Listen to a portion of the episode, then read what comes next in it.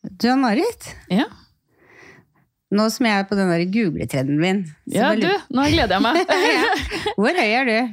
1,60. Ja, og jeg er 1,63. Da må jeg spørre deg om Vet du hvor langt verdens lengste hår er? Uh, åh. En og en halv meter? Nei. det er langt høyere enn oss til sammen. For kinesiske Xi Kuping innehar kvinnenes rekord for verdens lengste hår, med en manke på 5,62 meter. Er det Yes. sant? Ja. Jeg har bilde av det her, jeg kan vise deg det etterpå. Ja, det vil jeg gjerne det er se. sånn, og så er det rulla rundt armen fra gulv, gulv til arm flere ganger. Kjempelangt. Det er Rapunsel, da.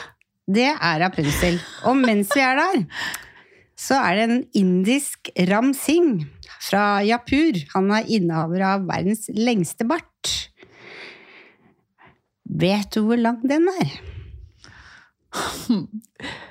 Jeg prøver meg på en og en halv meter til, jeg. Nei. Når han kom i Guinness rekordbok i 2010, så var den 4,3 meter lang. Men i dag så er den 5,5, og han har spart den helt siden 1970. Altså før vi ble født. Stusser de dette håret noen gang? Eller gjør de ikke det? Han bruker to timer hver dag til å stelle barten sin. Shit, har du bilde av han nå, eller? gre- Nei, han fant jeg ikke bilde av. Nei. Okay, det er helt Det er helt insane. Det kan ikke være mange som har de genene. Nei, jeg tenker det må jo være Det er mye jobb, da. Ja, det, Hva skal du med all den barten og alt det håret, egentlig? det må bli en del av identiteten deres. Ja, Ja, Det må bli en sånn konkurransegreier. Jeg vil inn i Guinness rekordbok, eller Ja. det må det være. Ja. Ja, det var fascinerende. ja. Det, det syns jeg òg. Det er jo så gøy å google sånne ting som du ikke veit. Åssen kommer du på dette her i det hele tatt? Nei, jeg bare Jeg lurer jo på mye. Jeg er jo så nysgjerrig, så jeg bare tenker på sånne rare ting, og så må jeg spørre, da. Da spør jeg Google. Så tenker jeg at det kan jeg begynne å dele, egentlig. Du, jeg, er sånn nerdeting. det. fortsett med det, det var gøy. Så bra! Velkommen til Hårpodden, jeg heter Ann-Marit. Heter Renate. Bortsett fra Google, hva driver du med? Du, nå har vi satt opp en agenda for teammøtene våre på front. Et halvt år fram, fram i tid. Og jeg vet ikke om du så det på Instagram sist, da vi drev med sånn puckring? Nei. Nei? Nei, Sånn, eh, nei? hva er det? Eh, Du har en plate med netting som du fester med nåler. Det er egentlig ganske innvikla. Og så har du da drar du, har du hår på innsiden som du drar ut og holder på en spesiell måte. Og så må du, får du en sånn flate som du må spraye, føne, spraye, føne. Så det blir, altså det blir ting du kan bruke til avantgarde. Ja, ja, ja, Ja. nå skjønte jeg hva du Så mente. vi har begynt med sånne, sånne ting igjen, og det er så gøy! ja det er kjempegøy. Ja, det er Ja. kjempegøy. Så det er litt altoppslukende, pluss alt annet. da. Nye nettsider og litt sånne ting. Ja, det så jeg i dag tidlig. Den var Så gøy. fin, altså. Ja, den var kjempefin. Gratulerer til Båre, de har gjort en knalljobb med den. Mhm. Og deg, da? Skjer hos deg? Du, jeg har vært i læringsboksen selv, for jeg har vært på konsulentsamling med Joiko. Så gøy! Så det var uh, veldig gøy. Vi hadde jo middag først, som var uh, alle uh, nye nyheter ble introdusert på en litt annen måte. Var veldig hyggelig. Det er jo en veldig fin gjeng, da. Og så har vi jo lært nye teknikker, og det må jeg innrømme at det var på tide at jeg var på kurs og lærte nye teknikker. Så det var veldig godt mottatt fra min side. Så bra. Du Fargeteknikker? Ja, striper. Strip. Å, så gøy! Følte nesten at jeg stripa meg litt lei på det samme teknikken, så jeg Ja. tenkte noe nytt. Man trenger noe nytt. Ja, så det Fyll deg påfyll. Fyll deg påfyll. Da har jeg også et tips. Hvis du lurer på ting, nye ting, google det. og så får du opp YouTube, og der er det masse teknikker som du kan følge med hele tida. Ja, det er veldig sant. Det, st- det er Ja. Mm. Jeg tar poenget ditt her. ja.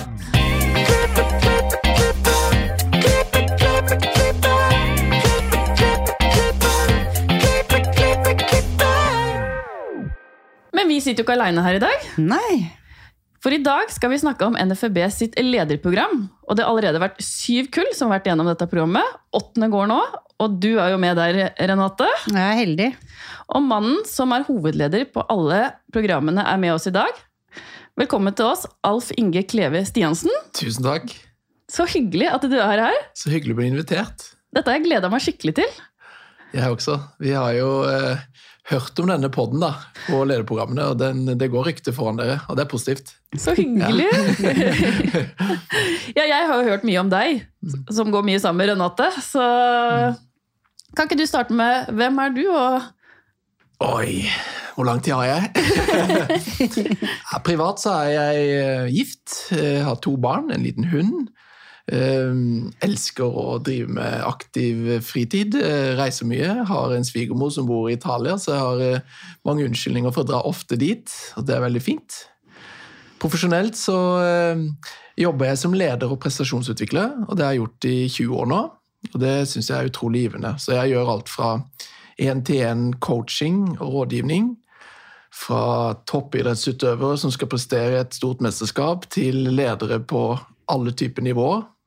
Og så kjører jeg en del bedriftsinterne prosesser i veldig mange forskjellige bransjer. Eh, alt fra skadesanering, og de har mye å gjøre om dagen med dette uværet vi har, til advokatbransje, til sportbransje og det ene og andre, inn- og utland. Og så har jeg noen åpne programmer, som NFB sitt lederprogram, hvor det kommer ledere fra ulike typer virksomheter. Men i samme bransje her, da. Ok, Så det er ikke bare frisører som er på dette lederprogrammet, eller misforsto jeg? Jo, på, Ja. på dette NFB lederprogram så er det kun frisører som er medlemmer av NFB. Mm. Leder i frisørbransjen. Noen er jo blitt driftsledere og har ansvar for mange.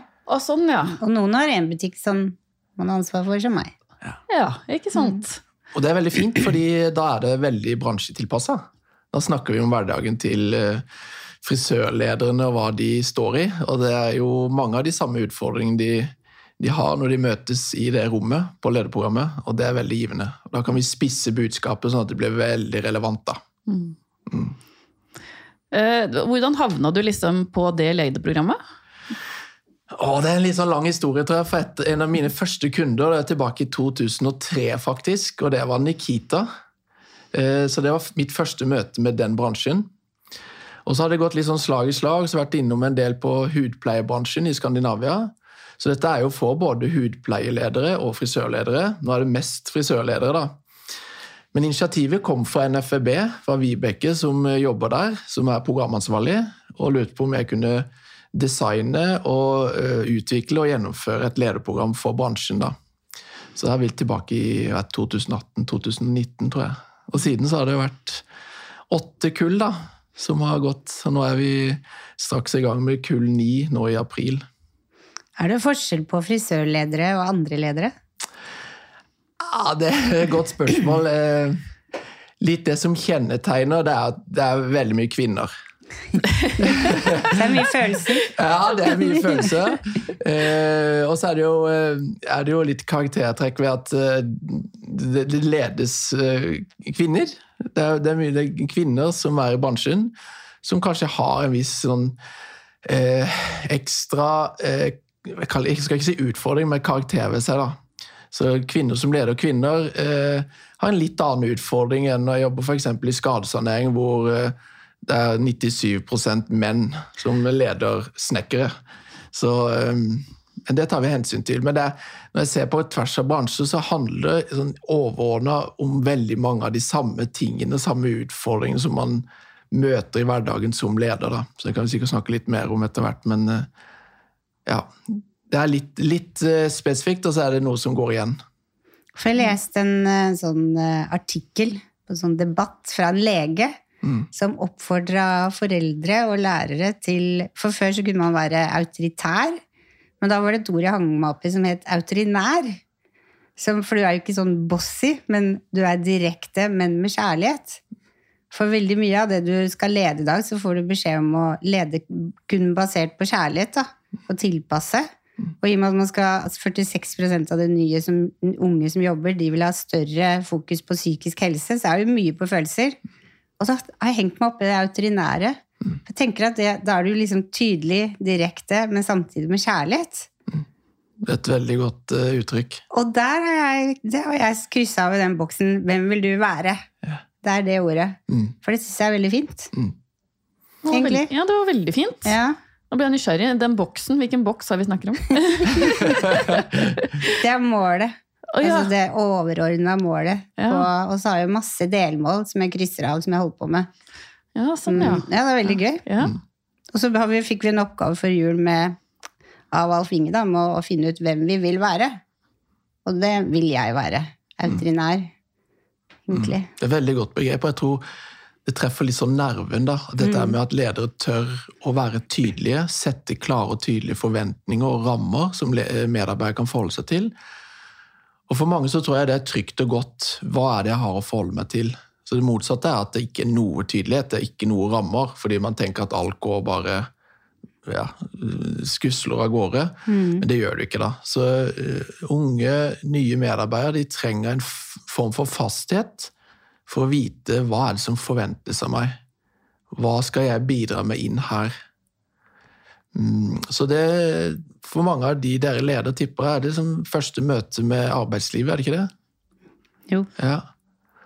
Og de, de trenger akkurat det. De trenger den eh, tydeligheten. eh, For det er som starten, og det setter for veldig mange reisen videre i arbeidslivet. Da. Hva skal jeg forholde meg til? Så, eh, og det å gjøre det tydelig, og som du sier, med et varmt hjerte, det er en veldig god kombinasjon. Fordi vi vet i ledelsesfeltet så skal du få mennesker til å prestere over tid, så står det nærmeste lederskapet for en betydelig andel. da. Så den evnen til å motivere. Så hvis du er usikker på lederen din, du er litt sånn du frykter eller er litt redd fordi lederen ikke er varm og nær, altså er det vanskelig å prestere over tid. Så kvaliteten i relasjonen mellom deg som leder og medarbeider den er helt avgjørende for å få folk til å prestere over tid. Så det jobber vi med på lederprogrammet. da. Hvordan bygge gode, trygge relasjoner. Og den må være en kombinasjon av nærhet og tydelighet. Det er en hårfin balanse for mange. Er det noe som har kommet nå? For jeg føler at det kanskje var mer autoritært før. Er det riktig å si? Mm. Mm. Ja. At det er en Si det ordet igjen. Autorinær. Autorinær. Det er fint Ja, egentlig. det er veldig fint. Ja.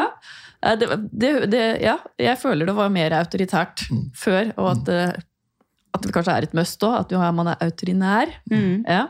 For den artikkelen jeg leste, da var det en lege da, som hadde fått en pappa med sin syv år gamle sønn, hvor sin syvåring slo seg helt vrang og nekta å ta opp skjorta for at hun skulle få lytte. Og de har jo da fem-ti minutter på en sånn seanse, ikke sant? Og gikk kvarter, 20 minutter over tid. Og til slutt så måtte hun si, jeg hadde sagt til pappaen flere ganger at nå må du få han til å løfte opp, ellers så kan jeg ikke hjelpe dere. Og øh, faren var jo ikke verken autoritær eller autorinær. Han var liksom Sebastian, nå må du ikke? Og det gikk jo ikke, endte med at de gikk. Ja. Og da gikk hun i seg sjøl og så oppfordra liksom foreldre, barn, lærere, alle til å være autorinære. da. Tørre liksom å si fra at dette her må du gjøre. Og forklare hvorfor. Mm. Så det er jo ikke noe skummelt egentlig å åpne. Nei. Kan være, men Mm. Men der skjedde, du er inne på et godt poeng. da, med Har det skjedd noen endringer og forventninger til lederskap siste si, ti årene? så Hvis man går for langt tilbake i tid, så er det ikke interessant for vi som lever nå. Men eh, det har nok vært eh, en ganske sånn eh, dramatisk reise hvor man forventer at lederne er de som styrer og vet best. Så den der kontrollmekanismen som leder, den har vært eh, ganske dominerende i, i lang tid i mange bransjer. Men nå har det jo tvunget seg frem litt andre krav til det å være leder, hvor du eh, har en høyere grad av involvering. At uh, for å få ut potensialet da, til et menneske, en medarbeider, så må du si, delegere, ansvarliggjøre, gi dem myndighet, uh, få dem om bord, få eierskap. Og det gjør du ikke gjennom kontroll og kommando, da. Nei. Ja, Så jeg kan si at ledelse sånn sett så er det, det er en måte å skape konkurransekraft. Det tenker jeg hele tiden når jeg jobber med bedriftsutvikling. altså Hvordan kan vi gjennom lederskapet skape en sunn og god konkurransekraft? da, Bli lønnsomme og bærekraftige som organisasjon. Da.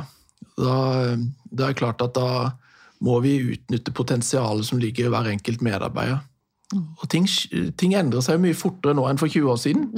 Ja, Det er så sant. Ja, og da kan vi ikke ha én person på toppen av en organisasjon som bestemmer alt, for da går ting veldig veldig tregt. Ikke sant? Så du, du må få, For å få en fleksibel organisasjon og fleksibel fleksibelt team, så må de føle eierskap. tenke at ah, 'jeg har noe å bidra med inn i teamet her', på salongen, i bedriften. Så ja, kult ord. Det er kult at du har fanget opp det. Mm. Jeg vet, en ting som, som jeg synes var som jeg, en av mange ting jeg har brukt, da. Men ganske tidlig så fikk vi lære en sånn verditest.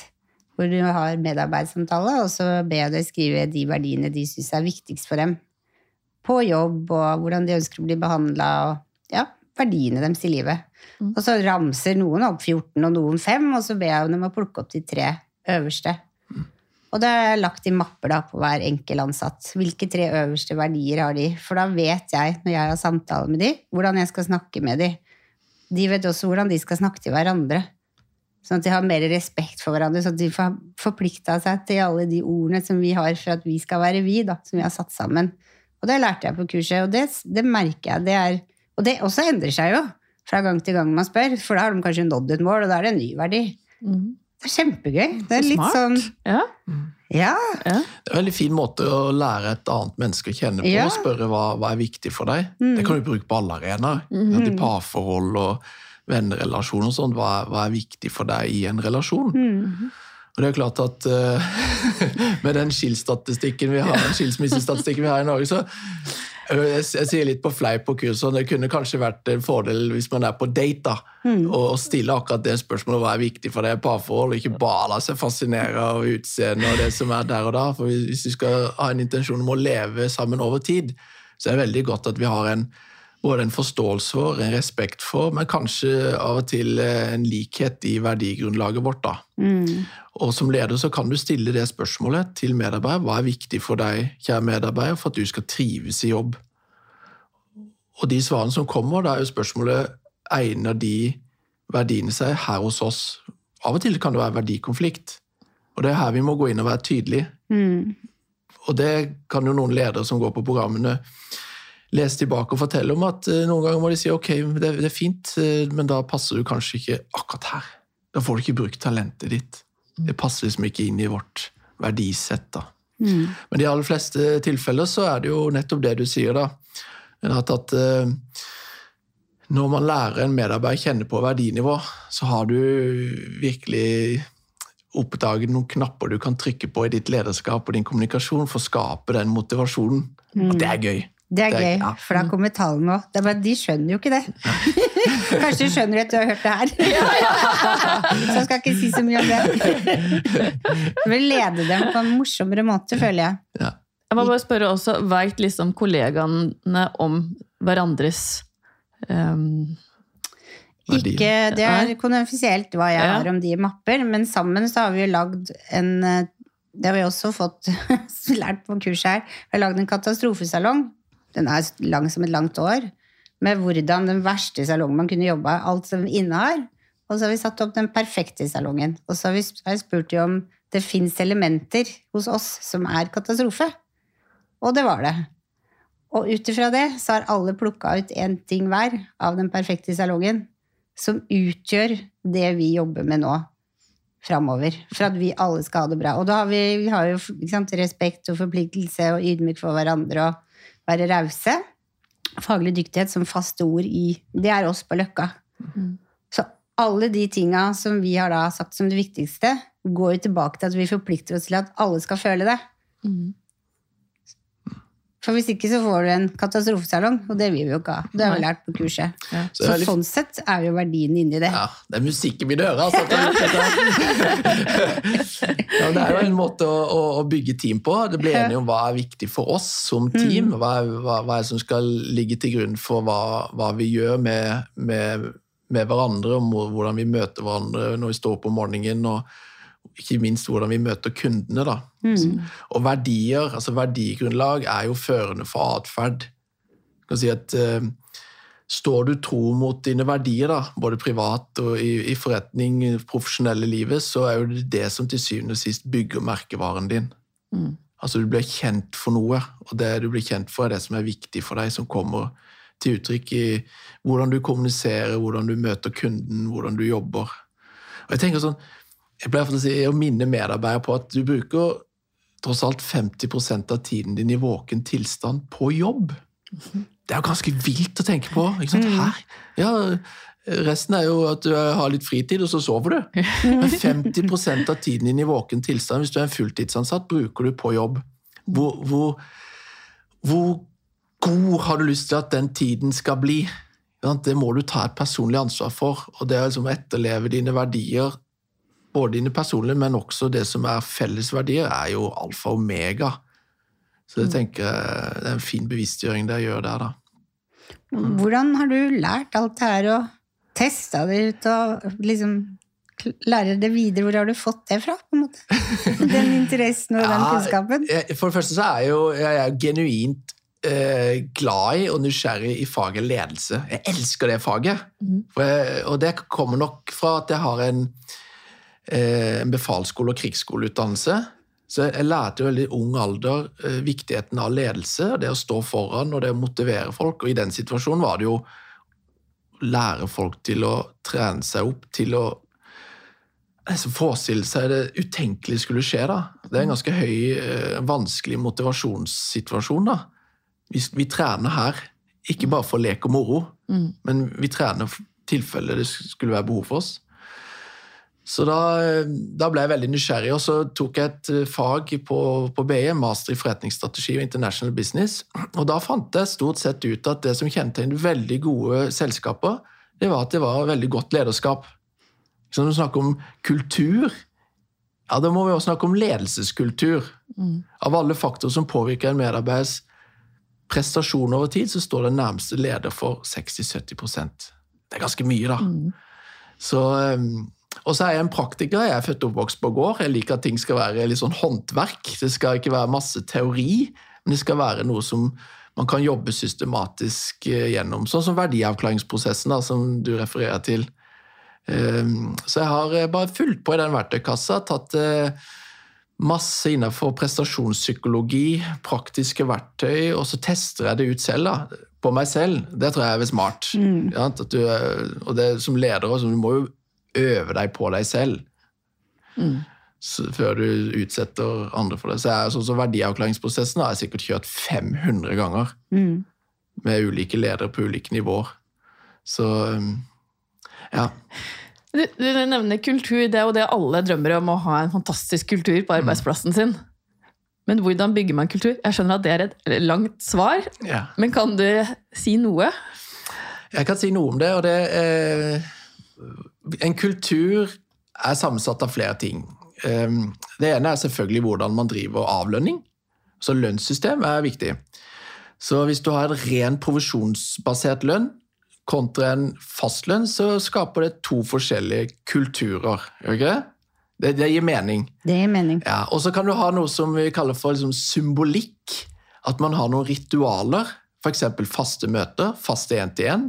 Vi er ute og feirer eh, til jul, vi feirer til sommer, vi feirer gode prestasjoner. Sånne kall det, symbolske handlinger da, det er med på å bygge kultur. Og så er det eh, et annet viktig element, det er historiefortelling. Og der er jo ledere viktige. Hvilke historier er det vi tar plass i salongen vår? Hva er det vi snakker om? Og i noen salonger, i noen miljøer, så er det sånn man, det som tar plass, det er det som ikke funker. Det som ikke er godt nok. Det vi er misfornøyd med. Det kan være leverandører, det kan være kunder, det kan være situasjon. Åh, det kan ta veldig mye plass. Og hvis det tar veldig mye plass, og alle disse historiene, er det med på å prege kulturen? Selvsagt. Men hvis dere fremsnakker hverandre, lærer av beste praksis, forteller de gode historiene, tar hverandre i å være gode Kjempeinnvirkning da, på kultur. Mm. Her er det godt å være. Kontra her er det sånn tappende energisituasjon. Så eh, bevissthet rundt hvilke historier som vandrer, litt bevisst hvordan er det vi driver avlønning, og hvilke det, rituelle handlinger er det vi setter i system. da. I Forsvaret hadde vi jo masse av det. ikke sant? Vi hadde jo tatoveringer, og vi gikk med flagg, og alle gikk i uniform. og ikke sant? Det er veldig sånn rituelle handlinger, men det bygger kultur. Så det kan vi jo lære litt av, da, sivile, uten at vi skal liksom forvente arbeidsklær. Alle går likt og samme sveis. og... Samme tatovering og Samme tatovering. Ja, det er kult, da. Ja, det var veldig bra beskrevet. Ja. Eh, eh, å gå Veldig mange, inkludert meg selv, har jo gått fra å være medarbeider til leder. Fordi at eh, man har jobba lenge på en plass, og så får man tildelt det. Det kan jo være en utfordring. Har du noe råd til det? Ja, det er, det er faktisk ganske ofte det kommer opp som et tema på lederprogrammet. Fordi det er noen som kommer på det lederprogrammet, så har de akkurat tatt over lederrollen. Eller de har stått i den en kort stund. Og så er de litt sånn Hvordan skal jeg gripe dette an? Men bare for, for å spørre deg, da. Hva er typiske utfordringer du har opplevd? Ja, jeg- reflektert tilbake, så tenker jeg jo det at eh, jeg gikk jo fra å være venner til å være lederen. Og du ble ikke en del av gjengen lenger. Nettopp. Ja. At du ble nesten litt sånn Oi, plutselig ble jeg litt ekskludert eller ensom. ja. Mm. Mhm. Det er, veldig, det er veldig typisk, faktisk. Um, og så er det jo av og til sånn som vi opplever på lederprogrammet, at eh, noen av de som går inn i lederrollen, de er yngre enn en del av de som er på salongen. Altså, de tar over lederskapet for frisører som er som har vært frisører i mange mange år, og flere enn de selv. Da. Og da eh, får de ofte en sånn utfordring å få til eh, det å lede de og være tydelig overfor de. Da. Så det, du, du treffer et ganske ømt punkt for mange. Um, Så jeg tror det er viktig at før man takker ja til det å være leder, tenk gjennom hva er det du ønsker å bringe til bords da, i ditt lederskap. Hva er det som motiverer deg til å være leder? Vi har ca. 200 000 ledere i Norge. På operativt. 200 000 operative ledere. Og det var ganske mye. Det er ganske mange, men ikke i frisørbransjen, men totalt sett. da. Og ganske stor andel av de slutter i den rollen før det er gått et år. Så det er ganske høy turnover blant operative ledere. Og veldig mye av årsaksforklaringen er at de ikke mestret den rollen. De har ikke fått noe tilførsel av kompetanse på det å være leder. Bare, osj, så var de oppe i lederrollen. Og så ble de litt overlatt til seg selv, og så må de prøve seg frem og se hva som funker. Men alle de som er på lederprogrammet på NFB, de sier også når jeg spør de, eh, hvor mange av dere opplever at dere jobber mer når dere blir leder. Da rekker alle opp hånda. Så I det øyeblikket. Sånn var det kanskje for deg òg? Mm, Jobbe mer? Ja, jobbe mer, altså flere ja, ja, timer. ja, flere, altså, da, er da er vi plutselig ikke på 50 Nei. Nei. Og så tar man med seg administrativt arbeid hjem, og så sitter man hjemme i sofaen og så driver man og jobber og prøver å Ja, jeg ser deg nikker. Ja, ja, dette er gjenkjennbart. Så det er det ene, at man jobber mer. Og det andre er at eh, selv om man ikke er på jobb eh, fysisk, og liksom har tatt ned laptopen hjemme, så tenker man mer på jobb. Mm. Gjenkjennbart? Mm, altså, det betyr at hodet fylles med mer jobbtanker. Og noen av de tankeprosessene er også knytta til bekymring. Ja, når man bekymrer seg ah, Det kan være Ok, hvordan skal vi legge opp den kabalen? Ferieavvikling, eh, litt mye sykdom nå, hvordan skal vi flytte kunder? Alt dette her. Den kommentaren der, hva betydde egentlig den? Og så begynner vi med masse tankelesning. Og en del ledere som er på lederprogram, de er jo ærlige og sier at eh, det av og til jeg kan sove litt dårlig. Fordi det, det begynner å bygge seg opp litt bekymringer. og Det er ikke sånn det skal være. tenker jeg. Det å være leder skal være gøy, det skal være inspirerende, du skal kjenne masse motivasjon i det. Så dette er sånn typisk problemer i den der, altså akkurat i overgangen. Det ble for noen litt sånn sjokk. Wow, er det så, tar det så mye av livet mitt? Altså Jeg jobber med bransjer nå hvor folk jobber i snitt 16-17 timer i døgnet. Altså, Det er helt Wow. vanvittig. Og da klare å systematisere sitt eget lederskap og få det til å gå opp. For eksempel, for det plutselig så er det litt mangel på balanse mellom jobb, privat, familie, oppfølging av egne barn. og bare forklarer dette, for Det er liksom det som treffer en del. da. Og Nå høres det ut som at jeg sier 'hold deg unna lederskap'. og absolutt ikke. Um, Men det går jo an å tenke at ledelse er et eget fag. Akkurat som man blir en god frisør, så trenger det trening. Og det å ha noen verktøy i den verktøykassa som gjør at det blir enklere å fylle rollen. Så det er et litt sånn langt resonnement her, da. Men jeg tenker at eh, vær litt bevisst i det øyeblikket du sier ja takk til å være leder. Og tenk gjennom hva, hva har lyst til å bringe, hvordan har jeg lyst til å sette mitt preg på det. For du skal sette ditt preg på det. Du skal ikke gi slipp på deg selv som person. Og jeg vil si at det å være ekte og tro mot deg selv er mye mer kraftfullt i et lederskap, og mye mer forutsigbart for en medarbeider, enn at du prøver å være en person du egentlig ikke er. Så det, det er greia. Og så tenker jeg, når du først tar rollen, så vil jeg si et veldig godt verktøy, det er å, å gjøre en god forventningsavklaring. Sett deg ned med de som nå er medarbeiderne dine, ikke kollegaer. Det er jo kollegaer, men nå er du plutselig leder. Og ha en god forventningssamtale. På, på lederprogrammet Renat, så snakker vi om dette forventningssamtalen. Mm. Hvor begge, begge, begge parter, da, både medarbeider og leder, snakker om hva slags forventninger har jeg til meg selv, hva slags forventninger har jeg til deg. Mm. Så det går an å spørre medarbeider hva slags forventninger har du til meg som din leder. Og hva slags forventninger har jeg til deg som medarbeider for meg som er din leder. Mm. Og så har vi et eh, tredje spørsmål, som er dette hva tror jeg de andre forventer av meg? Mm. Og hvis du tenker tilbake når du tok lederrollen, vil du si at du hadde noen tanker i hodet ditt rundt ah, ah, Du driver masse, det jeg kaller tankelesning. da. Du tror at de forventer noe av deg. Ja, det er fort gjort. Ja, det er fort gjort. Og det er sånn, tankelesning kan ofte være et menneskes verste fiende. Hvordan, hva tenker jeg om hva andre tenker om meg? Mm. Og Det fenomenet der belyser vi ganske godt på lederprogrammet, som bevissthet rundt egne tanker. For det er ikke sikkert det er sant. Så det er smart å stille spørsmål. Hva, hva forventer dere? Mm. Så eh, da kan du plutselig få det. Bare vær deg selv, du er så fin, fin person, og det er supert at du er blitt leder. Og så kan du få en sånn boost på det, da. Og så kan det godt være at du må si vet du hva, det kan du ikke forvente av meg. Mm. Dette er ikke det jeg skal fylle mitt lederskap med. Og da begynner du å være tydelig, da. Yeah. Men må man være en ledertype Ja, man må jo det, jeg skjønner jo det når jeg sier det høyt, men eh, hva, hva kjennetegner en ledertype, da, og ikke? Mm, ja, det er godt. Det er et herlig spørsmålet. Er jeg den fødte leder? Ja. altså, du kommer, kommer til verden og sier ha, du er en, du er en leder. Det merker du i barnehagen. Eh, Eller kan man liksom trene seg opp til det, selv om man kanskje ikke egentlig er det? Absolutt. Det er jo et fag, og det er trenbart. Ja, for du har jo dedikert livet ditt til det. Ja, ja, Ja. absolutt. Jeg ser det, og vi har masse støtte eh, i forskning på at eh, det å trene lederskap gir effekt. Og det har jeg sett så mye gjennom de siste 20 årene at det er ikke noe tvil om.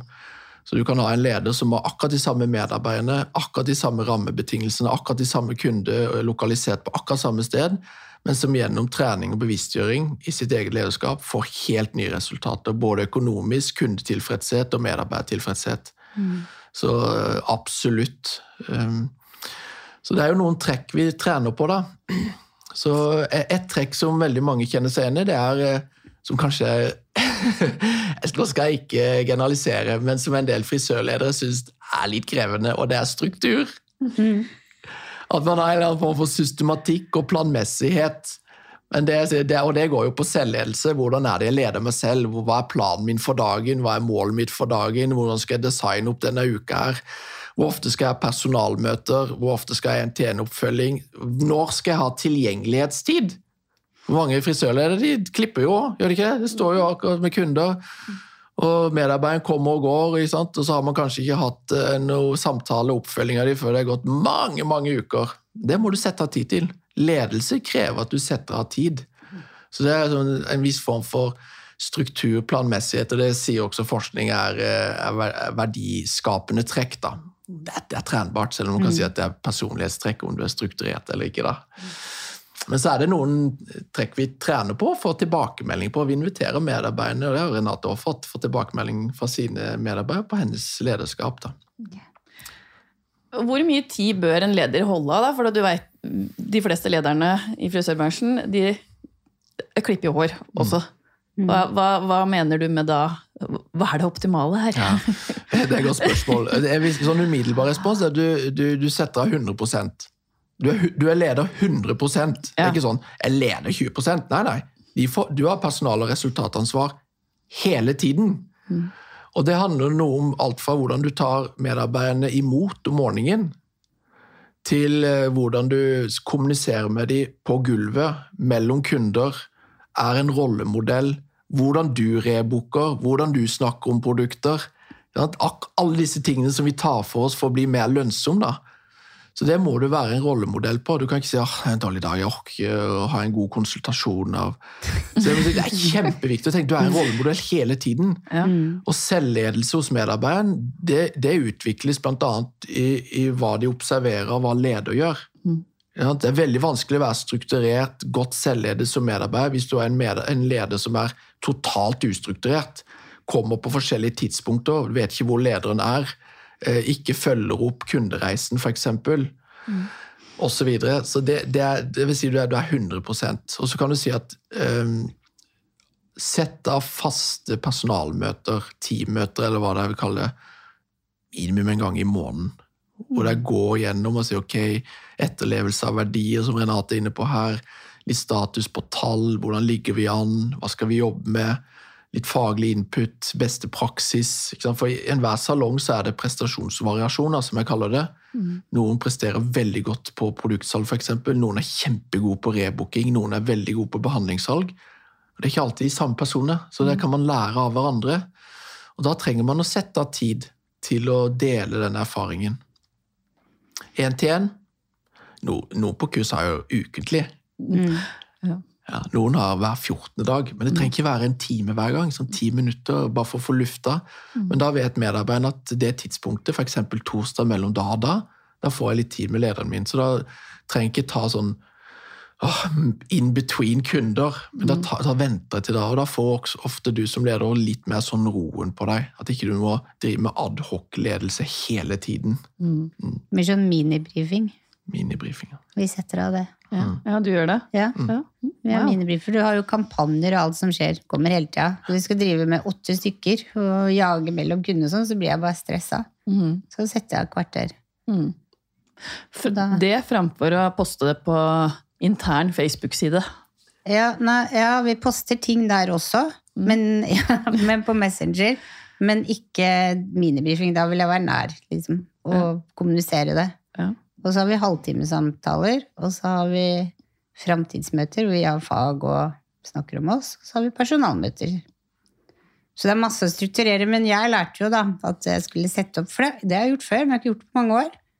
Sette opp en sånn for hver dag, da. Hvem vil du være? Hva, hva, er det som gjør meg lykkelig? på en måte? Hva drev jeg med? Hva har jeg lyst til å gjøre? Mm. Og da var det, setter vi sånn T, og så har du på den ene siden dette er jeg fornøyd med, på andre siden så har du forbedringer. Mm. Forbedringene, den lista skal alltid være mindre enn fornøyd med, så ikke jeg blir for masse å henge meg opp i som er negativt. Mm. Og da kjøpte jeg meg en sånn almanjakk, og så begynte jeg å teste det. Det var i november en gang. sånn. Og da husker jeg at det er en ting som gjorde meg kjempelykkelig før. Det var å stå opp veldig tidlig for å trene, sånn at når jeg kom på jobb, så var mindset jobb. Da var ikke mindsetet 'nå må jeg bli ferdig med siste kunde', for jeg må jo rekke den timen som jeg skal på. ikke sant? Det er ikke noe stress. Og så begynte jeg med det, og så har jo det bare vært Og da har jo strukturen bare ramla på. Det er lett å planlegge, for da går ikke ting sånn hoppla hele veien. Det er, mm. Sånn er dagen min. Mm. Så da tenkte jeg ok, jeg kjøper almanakk til de som jobber hos meg. Og så satte jeg opp sånn til alle, og til datteren min. Og så ga jeg det julegaven under sjokolade. Ikke sant? Stemmer det. Ja, Vi bare kjøpte de sammen. ja. Mm -hmm. Og da, Det kan være både personlige mål, og det kan være jobbrelatert. Ofte så er det personlig, men det gjør jo at jobben blir bedre, for da har du gjort unna det de Og så kan du jobbe med, sånn som meg, da. Slutte å slumre på morgenen, stå opp med en gang klokka ringer og sånn. Det, det gjør hverdagen min bedre, da. Mm. Og når jeg skriver det ned på papiret, så følger jeg det. Mm. Forplikter jeg meg litt i det. det? Så, så, det har jeg lært her. Ja. Åh, nå fikk jeg lyst til å gå på dette kurset. Jeg gjør det. Jeg kommer til å stille deg spørsmål. Nå kommer du. Ja. Men det du sier der, det er en veldig sånn eh, fin øvelse, egentlig. For, ja. Eh, det du var inne på dette med psykisk helse i stad. Mm. Så hvordan, hvordan uh, trener jeg hodet mitt til å bli litt sunnere for meg selv? Da? Og det er et kjempeutfordring i samfunnet vårt at, uh, at man sliter med, med psykisk helse. Og, og, mange ledere i frisørbransjen rapporterer om det. De syns det er et tema som ofte kommer igjen. Liksom, sliten, oppgitt. Uh, og så har man det å stri med da, i lederskapet sitt overfor medarbeideren. Så det, det å vi, vi, lærer jo ganske ung alder det å plastre såret. Finne et plaster i medisinskapet fra veldig ung alder. Husk å pusse tennene. Sånn, lære å ta vare på kroppen sånn fysisk, men vi lærer ikke så mye av hvordan skal jeg tenke sunt. Hvordan er det tankeprosesser foregår? Hvordan kan jeg ta litt ledelse på det for meg selv? Og heldigvis er det trenbart. da. Du er ikke født med det og, og må forholde deg til liksom, hvordan du tenker fra ung alder. Dette er påvirkbare ting. Så dette med å stoppe opp og lære medarbeideren, så hva er du, hva er du fornøyd med? Det kan være, hva er du fornøyd med i jobb, jobbdagen i dag, og hva har du lyst til å jobbe med videre? Jeg trenger ikke si misfornøyd med, bare hva jeg har lyst til, for da får du et sånt et lærende tankesett eh, som kan være veldig godt for deg. da. Men det er som å stoppe opp selv om du har opplevd en litt sånn ræva dag. altså, det, er, det, er, noe fint jeg kan ta med her, og det er en treningssak. Til, til å begynne med kan det være litt sånn kunstig for mange, men det å, som, gå over tid og ta seg selv i at det er en del ting jeg kan være takknemlig for her. Mm. Og så er det noen ting jeg har lyst til å jobbe med videre i rollen min, eller i kommunikasjon med andre, eller med meg selv, eller hva det skulle være. Mm. Det er en fin øvelse. Kjempefin. Ja. Så det blir jo de som jeg skal jobbe med, blir jo sånne små delmål mot mm. det store målet ja. i enden. da. Og jeg må jo si, jeg sovner nesten med en gang jeg legger meg. Det, jeg har ikke noe problem med søvn, og det tror jeg er for at ting er sortert. Det er lett. Jeg ligger ikke og grubler. Mm. Jeg er bare rett og slett trøtt, og da sovner jeg. Ja. ja, det har ikke jeg noe problem med, Erik. Jeg sovner tvert. ja, ikke sant? Det er deilig. Ja. Men for de lytterne som sitter og hører på nå og tenker at åh, dette skulle jeg vært med på, er det plass i kull 8? Kull 9. Kull 9. Ja, kull, yeah. kull 9 er det, og det starter jo i april. Så vi skal jo ha en seanse på denne mm, årlige NFB hva er det Beauty in Business det heter? 9. mars. 9. mars. Mm. Da skal jeg holde et lite innlegg eh, om ledelse og litt om programmet. Det er ledige plasser. Ja. Men jeg har skjønt, jeg har selv fått noen mail om, om det er ledig plass, og bare ruter de til, til NFB hvor påmeldingen foregår. Så absolutt. Vi har 20 eh, plasser per kull, som er maks. Mm. Eh, så ja, det er ledig. Går i Oslo. Så, Kom 9. mars. Hva koster det? Kan jeg spørre om det? Ja, Det koster eh, 32 900 pluss moms. Og det du får når du melder deg på det, det er ni kursdager eh, med som den eh, hotellavgiften som det ligger der. Du får to lederundersøkelser. Dette er jo et program som går over i overkant av et halvt år. Og så får du tilgang til et digitalt læringsunivers, hvor du kan se filmer, laste ned dokumentasjon, kommunisere med de andre. Um, så det, det et, et, jeg, jeg, hvis, du, hvis, du, tenker at ah, det er noe jeg ikke kommer til å få tilbake, mm. den investeringa, da må du ikke komme. Nei, sant. Hvis ikke, hvis ikke du, du, må ikke gjøre det. Ja. Hvis ikke du tror at eh, en sånn reise på et halvt år med all den inputen og erfaringsutveksling med andre ledere, beste praksis, et program som har gått over disse årene her og Hvis ikke du tror på det, så må du ikke komme. Men jeg kan garantere at dette skal inn, det funker. Ja, det skal funke, og du skal, skal, få tilbake investering med x antall ganger.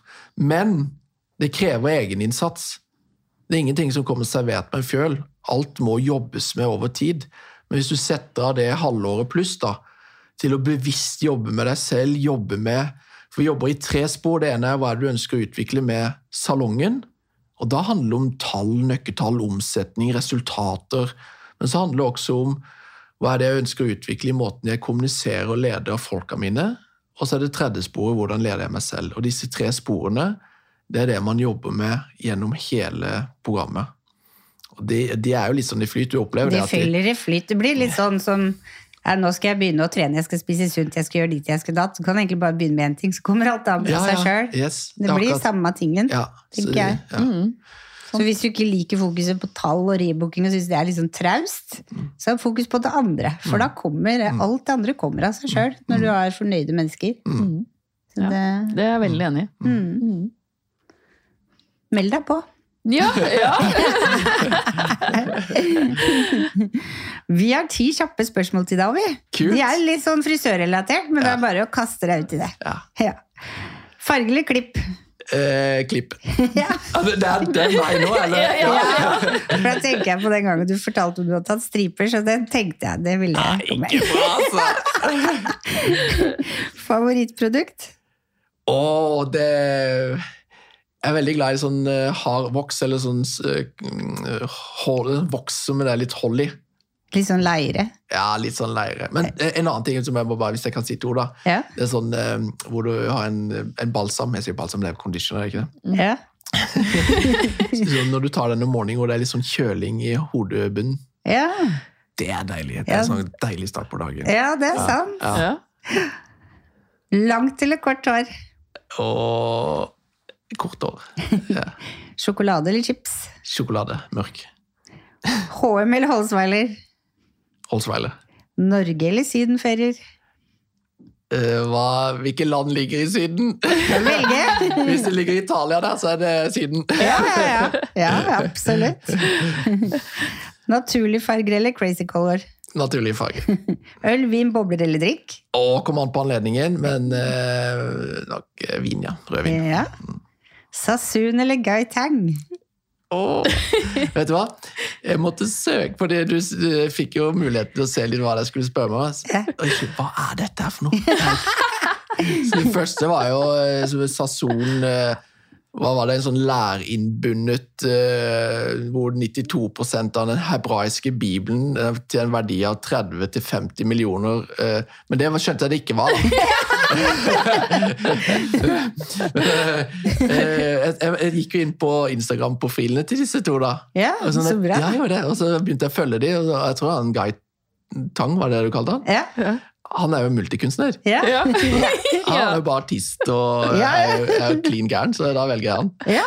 Gøy. Fantastisk! Instagram eller TikTok? Instagram. Ja. Tusen, tusen takk for at du kom og fortalte din historie og lærte oss. Jeg er kjempeinspirert. Selv takk. Ja. Mhm. Og følg oss gjerne på Instagram, Facebook og TikTok. Og du kan høre alle episodene på Spotify og mange andre steder, for nå glemte jeg hva jeg skulle si. og gi oss gjerne stjerner på iTunes, hjelp oss å vokse. Det liker vi. Og så høres vi neste uke. Ha det!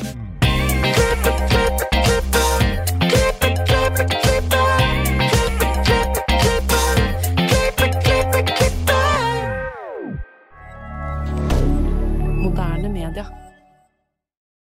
Har du et enkeltpersonforetak eller en liten bedrift? Da er du sikkert lei av å høre meg snakke om hvor enkelt det er med kvitteringer og bilag i fiken, så vi eh, gir oss her, vi. Fordi vi liker enkelt. Fiken superenkelt regnskap.